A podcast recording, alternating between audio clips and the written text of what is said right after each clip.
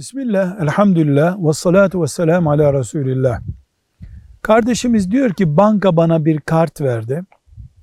O kartı ben gösterip eşyayı alıyorum.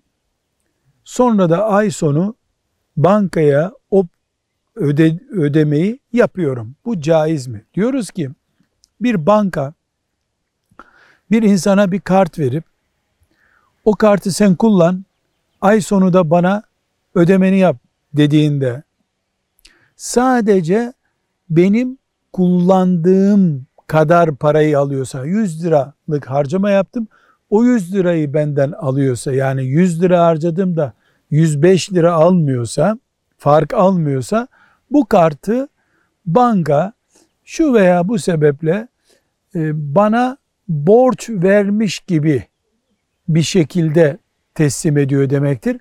Bunda bir sakınca yok. Kartı alırken belli bir miktar masraf almasında bir sakınca olmaz. Çünkü kart veriyor bu bir işlem bu işlemin parasını alıyordur.